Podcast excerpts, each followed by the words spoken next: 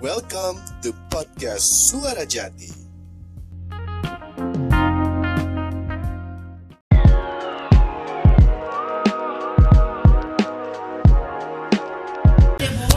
Enggak, maksudnya anaknya dirimu tuh sekarang udah ada dua ya? Eh dua atau tiga sih? Oh tiga ya? yang pertama kuliah kelas 5 dan kelas 3 nah gua dua sekitar dua tahun lalu ya pak ya eh, tahun yang lalu ketemu sama lu pas dengan gua Dua tahun yang lalu kan which is kita yang ketemu itu kan And then akhirnya lu yang Bunda Lita di KFC itu Kita nggak sadar lagi sahur ya. Oh iya. Lagi kita lagi Kita lagi sahur, lagi sahur Karena pokoknya gua ingat ya. Iya, yang gua inget di pikiran gue, gua ketemu sama lo itu adalah ketika udah beres nonton Jurassic Park. Itu pas bulan puasa kan. Terus tuh nontonnya emang tengah malam banget ya. Dan gue melihat lu adalah seorang yang ya biasa-biasa aja gitu kan. Terus pada akhirnya kita ketemu di situ nggak tahu kenapa ya mas ya. Tiba-tiba we are talking about that. Muda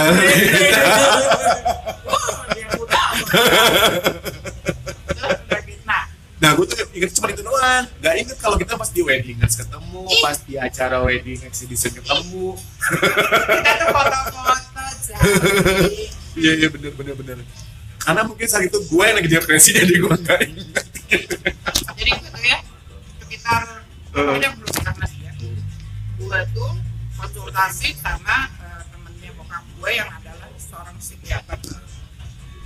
Karena gue melihat anak gue ini sudah depresi. Dan gue tahu betapa bahayanya depresi kalau tidak dibantu akhirnya gue konsultasi eh begitu konsultasi ditemenin sama Dini.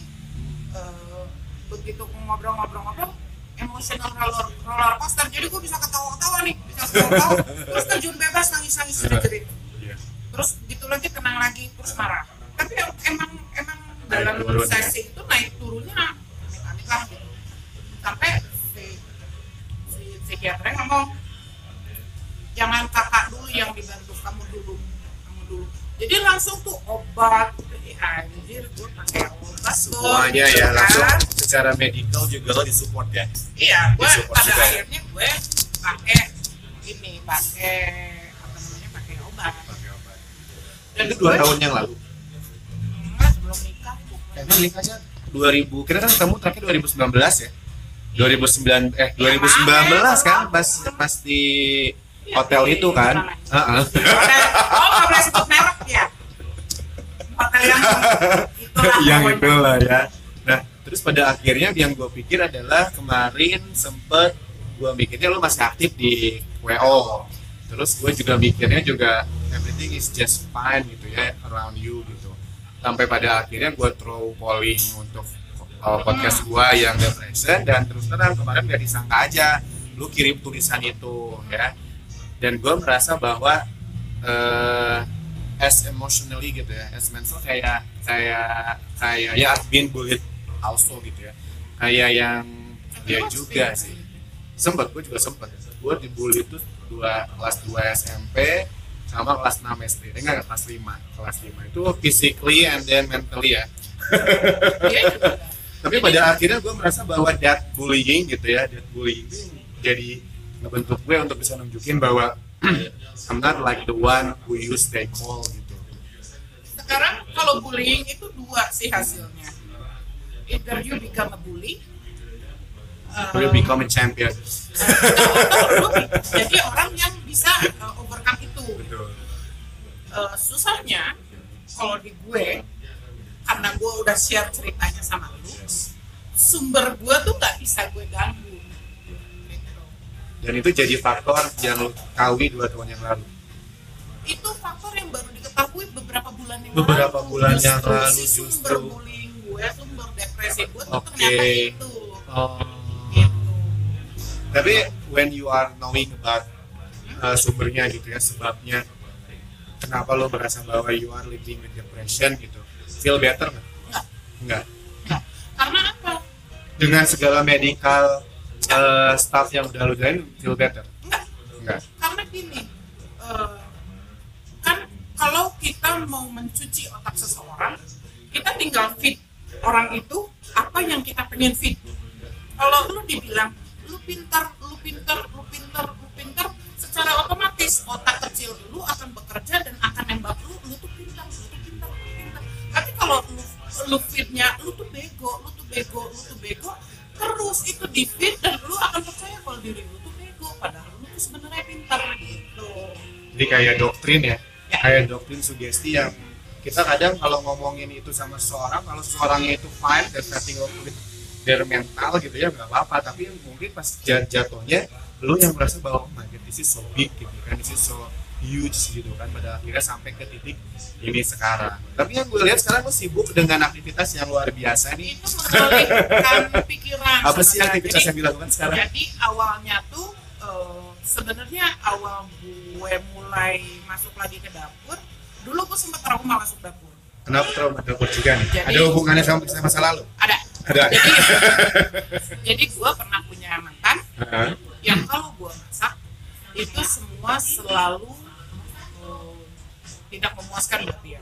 Yang nggak enak ya ya pokoknya semuanya kasih nama apa nggak enak lah ini apaan nih kayak begini. Ini kok begini sih masak mulai biasa dari mulai yang biasa sampai piring dilempar pun nah jadi eh, itu agak-agak bikin gue rada trauma untuk masuk dapur. Karena apa? Gue nggak berani eh kalau seandainya gue masuk. Ya kan yang tadi kalau di feednya begitu terus lama-lama jadi udah lack of the confidence tadi ya. Iya jadi Lu- walaupun lo jago tapi kalau akan lo dapet fit yang seperti itu tadi ya iya. itu merusak juga ya. Merusak pasti gitu ya. akhirnya gue trauma dan gue gak mau masuk dapur lagi. Mau sama dia. Bedanya dia itu benar-benar lu tuh bisa. Lu tuh bisa. Gue yakin lu bisa. Terus gue didorong. Meskipun dia tahu dia nggak tahu kalau gue bisa. Terus akhirnya gue bikin bikin lah bikin kue dan segala macam segala macam segala macam. Dan emang emang gue suka gitu ya. Gue bikin kue gue suka. Gue bikin brownies dulu gue hampir setiap hari bikin brownies buat kakak gue brownies bikin mouse bikin bolu kukus. Gue pakai besek pakai PPT Iya. bolu kukus pakai PPT gue bisa bikin pempek sendiri gue bikin segala macam lah pokoknya. Gue bisa bikin sendiri. Terus hmm, pas gue bikin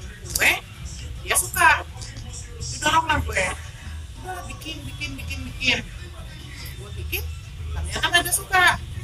Ya tante gue mesen lah ya nyokap gue mesen lah ada teman-teman gue mulai pada mesen lah. Eh lumayan juga nih gitu kan.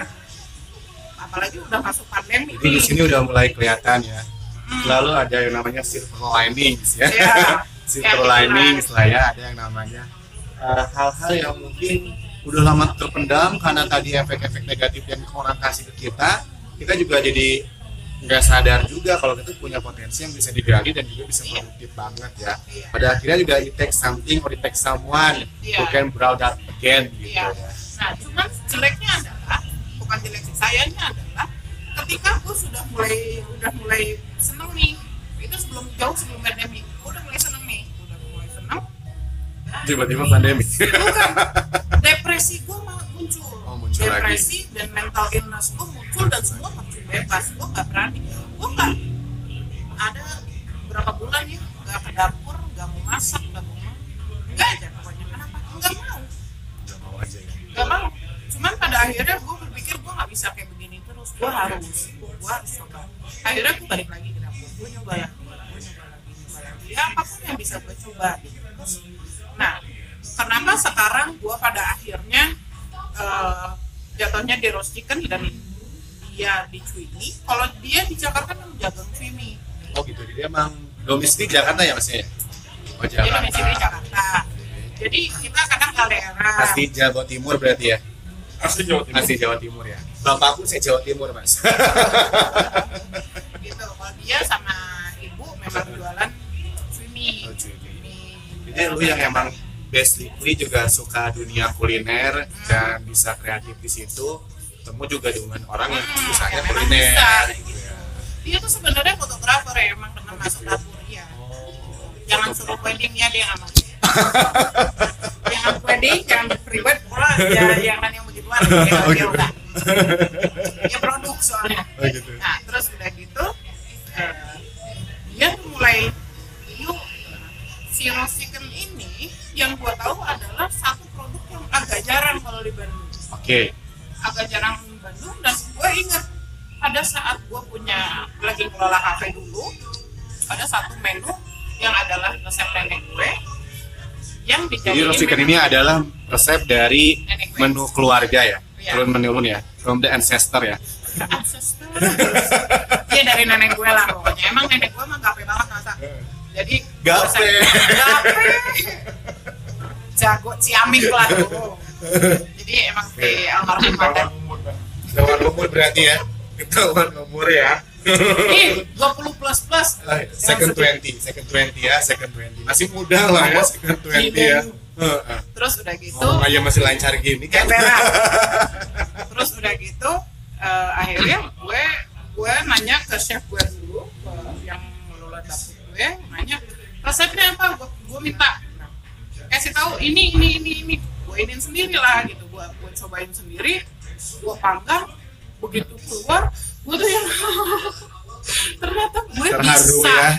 gue ya, bisa, bisa dan ya. dan anak-anak tuh pada saat itu bikin begitu gua bikin hari saat itu juga habis ludes Jadi difavoritkan oleh keluarga dulu dan bisa dibilang tuh sukses ya. kalau anak gue emang segala suka Segala susah, suka. ya gitu agak-agak bias gitu kan sama kayak dia Jadi usaha roast chicken ini nggak sebenarnya nggak hanya roast chicken ya, tapi lebih fokusnya ke roast chicken. enggak juga sih Enggak roast chicken kan jadi gue bikinnya kan PO Ah. roast chicken dan swimi karena gue masih impor mie dong Oh, impor mie dari dari Jakarta gue karena di Bandung tuh masih belum nemu mie yang Yang cocok Sesuai dengan yang sesuai sesuai ya. dengan kriteria. Coba bikin bisa sih, cuman untuk mencapai kapasitas ke situ masih belum sanggup kita jadi mendingan impor. Berarti sekarang produk yang sedang di apa ya? Diandalkan dan difokuskan Digadang-gadang. digadang-gadang lah ya. Adalah roast chicken ini ya. Dan Dan si. Ya, makasih banget sama Swiminya juga. Nah, cuman kan gini, kalau roast chicken itu kan emang eh, tricky ya bikinnya. Betul, nggak Kalau- gampang loh karena mungkin faktor yang bisa dibilang tadi jarang ya. Karena mungkin nggak semua orang berani berani ya, berani untuk bisa menghasilkan atau bikin yang namanya roast chicken ini. dan gue eh, gue pernah undercook bener-bener yang undercook tiga per bukan tiga per tiga perempat matang masih merah dalamnya. Gue kirim ke Jakarta temen gue untungnya dia kok bukan kompresi cuman dia ngoreksi gitu. Di situ gue asli gue malu banget dan itu terjun bebas lagi. Lu jadi depres lagi. depres lagi karena apa? Gue malu gue malu. Iya. malunya apa? Gue tuh jualan harusnya sesuatu perfect. Betul. gitu. Cuman kan untungnya adalah teman gue ini adalah masak juga. Dia bilang nggak apa-apa mit. Eh, ini pelajaran. Karena memang tidak semua orang bisa ngerus ikan. Akhirnya apa coba kita beli term dia beliin gue termos termometer bla bla bla bla itu. Peng- pengukur suhu Iya. termometer bisa Termometer ya. termometer daging. Akhirnya jadi setiap setiap ini sama kita tuh dicolok untuk uh, memastikan kalau tengahnya itu matang. Terus karena kemarin gua kan masih tradisional pakai otang yang gua tang- tangkringin kan oven tangkring di atas Open target yang zaman dulu banget ya. Yang mana punya gua tuh udah rontok-rontok. eh jangan sedih punya gue juga udah mulai ke mana-mana Udah rontok lah ya. makanya gua kemarin masih pakai itu suhunya nggak rata. Suhunya nggak rata terus dia nggak bisa di gebori nggak bisa dipolin suhunya sampai berapa gitu jadi udah tua banget nih umur kita ya bahasa. gebor sundenis gitu gebor mah terus udah gitu akhirnya eh, ya ya udahlah kalau sana yang ini yuk kita beli oven jadi kita akhirnya beli oven yang bener-bener oven yang itu bisa gua bikin untuk yang lain gitu entah itu kue entah itu apalah segala macam Jadi it's become something produktif tadi ya. Iya gitu. Dan gue harus kalau gue mau menjadikan si roast chicken ini sebuah produk yang memang Rencana ke depannya deh. eh, paling enggak bisa ngejual paling enggak sekitar 10-20 ekor per, Per hari.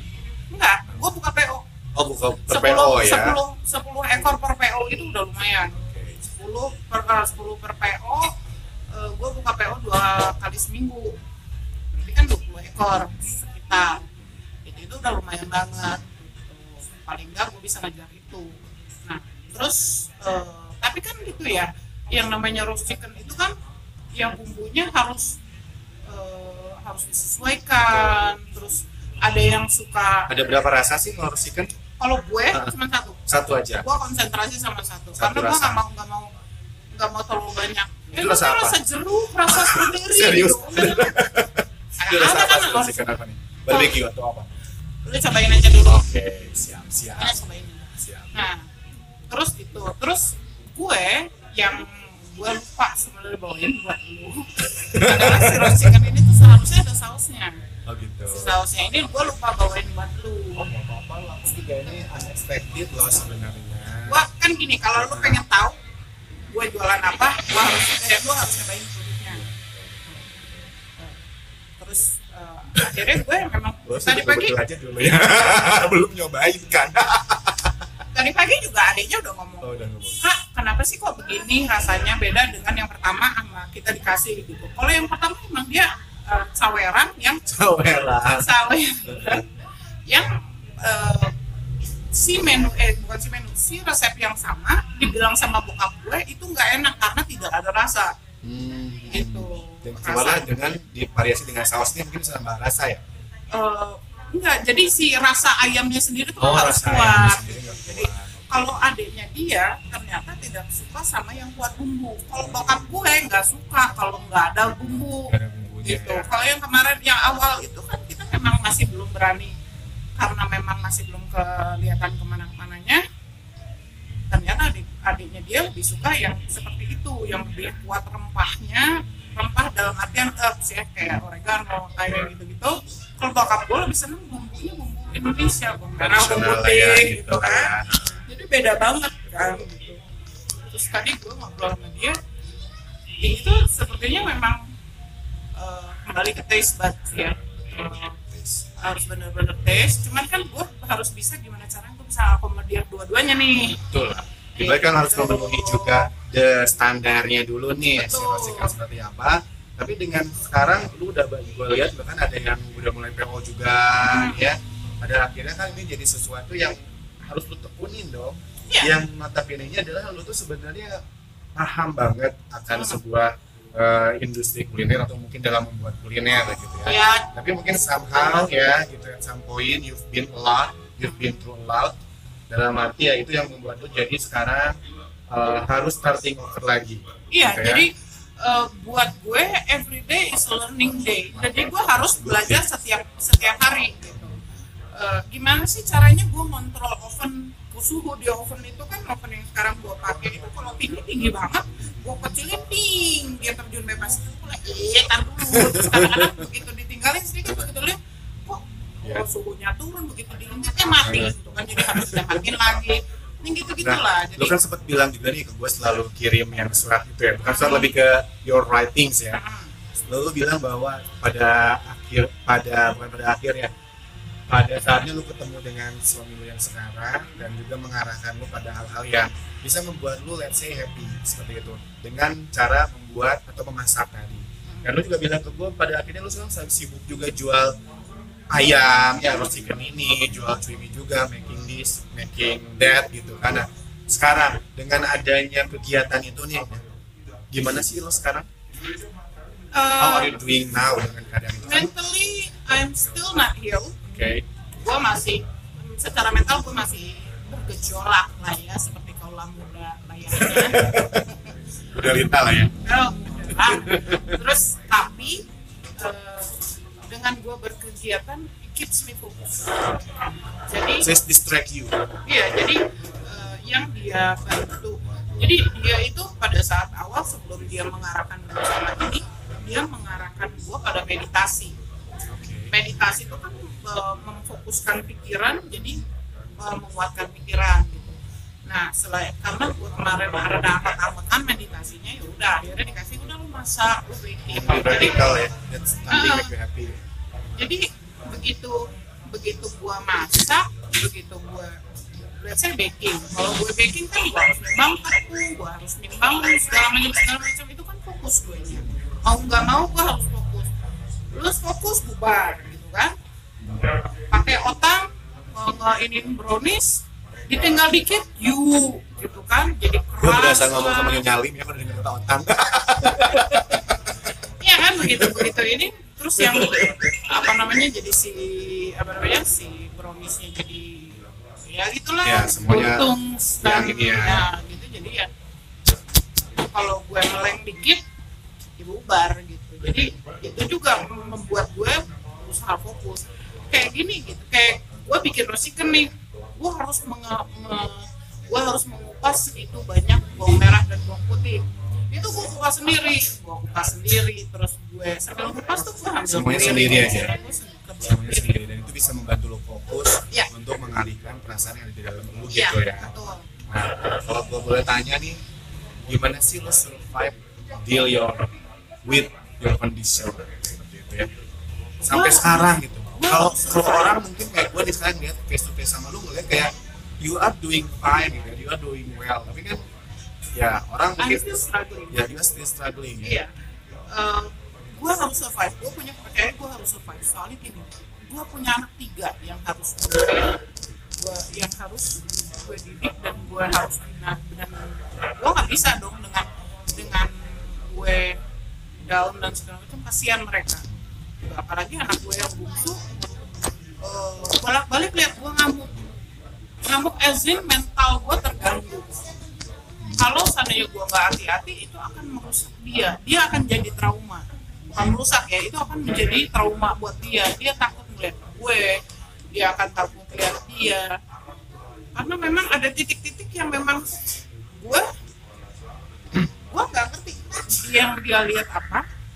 Tapi gue ada ada titik ada masa-masa yang gue ngamuk. Leng aja gue udah nggak tahu apa-apa. Dia yang gue lihat sekarang kayaknya gue ngedengerin cerita itu dulu ya kenapa lo bisa survive dan struggling sekarang. Yang bikin gue jadi merasa senang lah dalam arti senang adalah you still conscious. Karena kan ada banyak orang yang pada kena mentalnya mereka udah losing his consciousness gitu ya.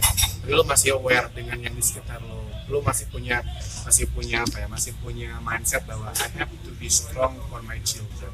Iyalah gitu. Pada akhirnya gue harus gue harus punya anchor kan? Gue harus punya jangkar kalau gue ada apa-apa sama gue anak-anak gue gimana itu sih Oke, untuk teman-teman podcast sudah jati ya. Obrolannya seru ya, obrolannya seru banget ya. Tapi sih mudah-mudahan dengan ceritanya dari teman jati ini ya bisa menjadi inspirasi juga buat teman-teman yang merasa bahwa punya satu bakat dalam berbisnis apa pun itu ya. Jangan jadikan sebuah eh, apa pun yang terjadi pada diri kita ataupun dengan situasi di luar kita jadi alasan untuk kita nggak ngelakuin something that make us happy gitu ya. Oke sekarang jadi ingin ngasih kesempatan buat anda ya.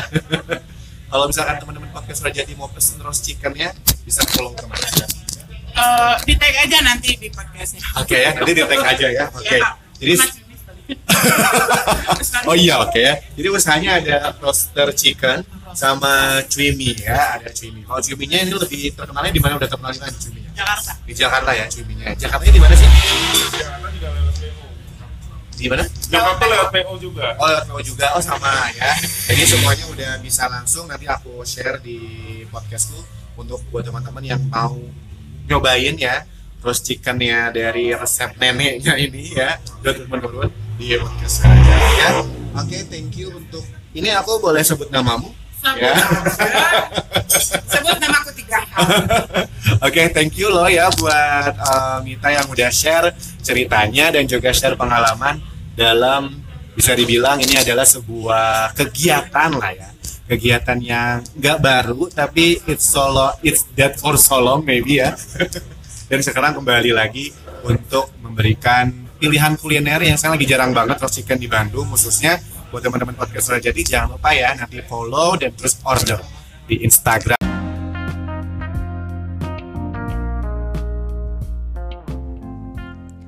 Thank you for listening to podcast Suara Jati.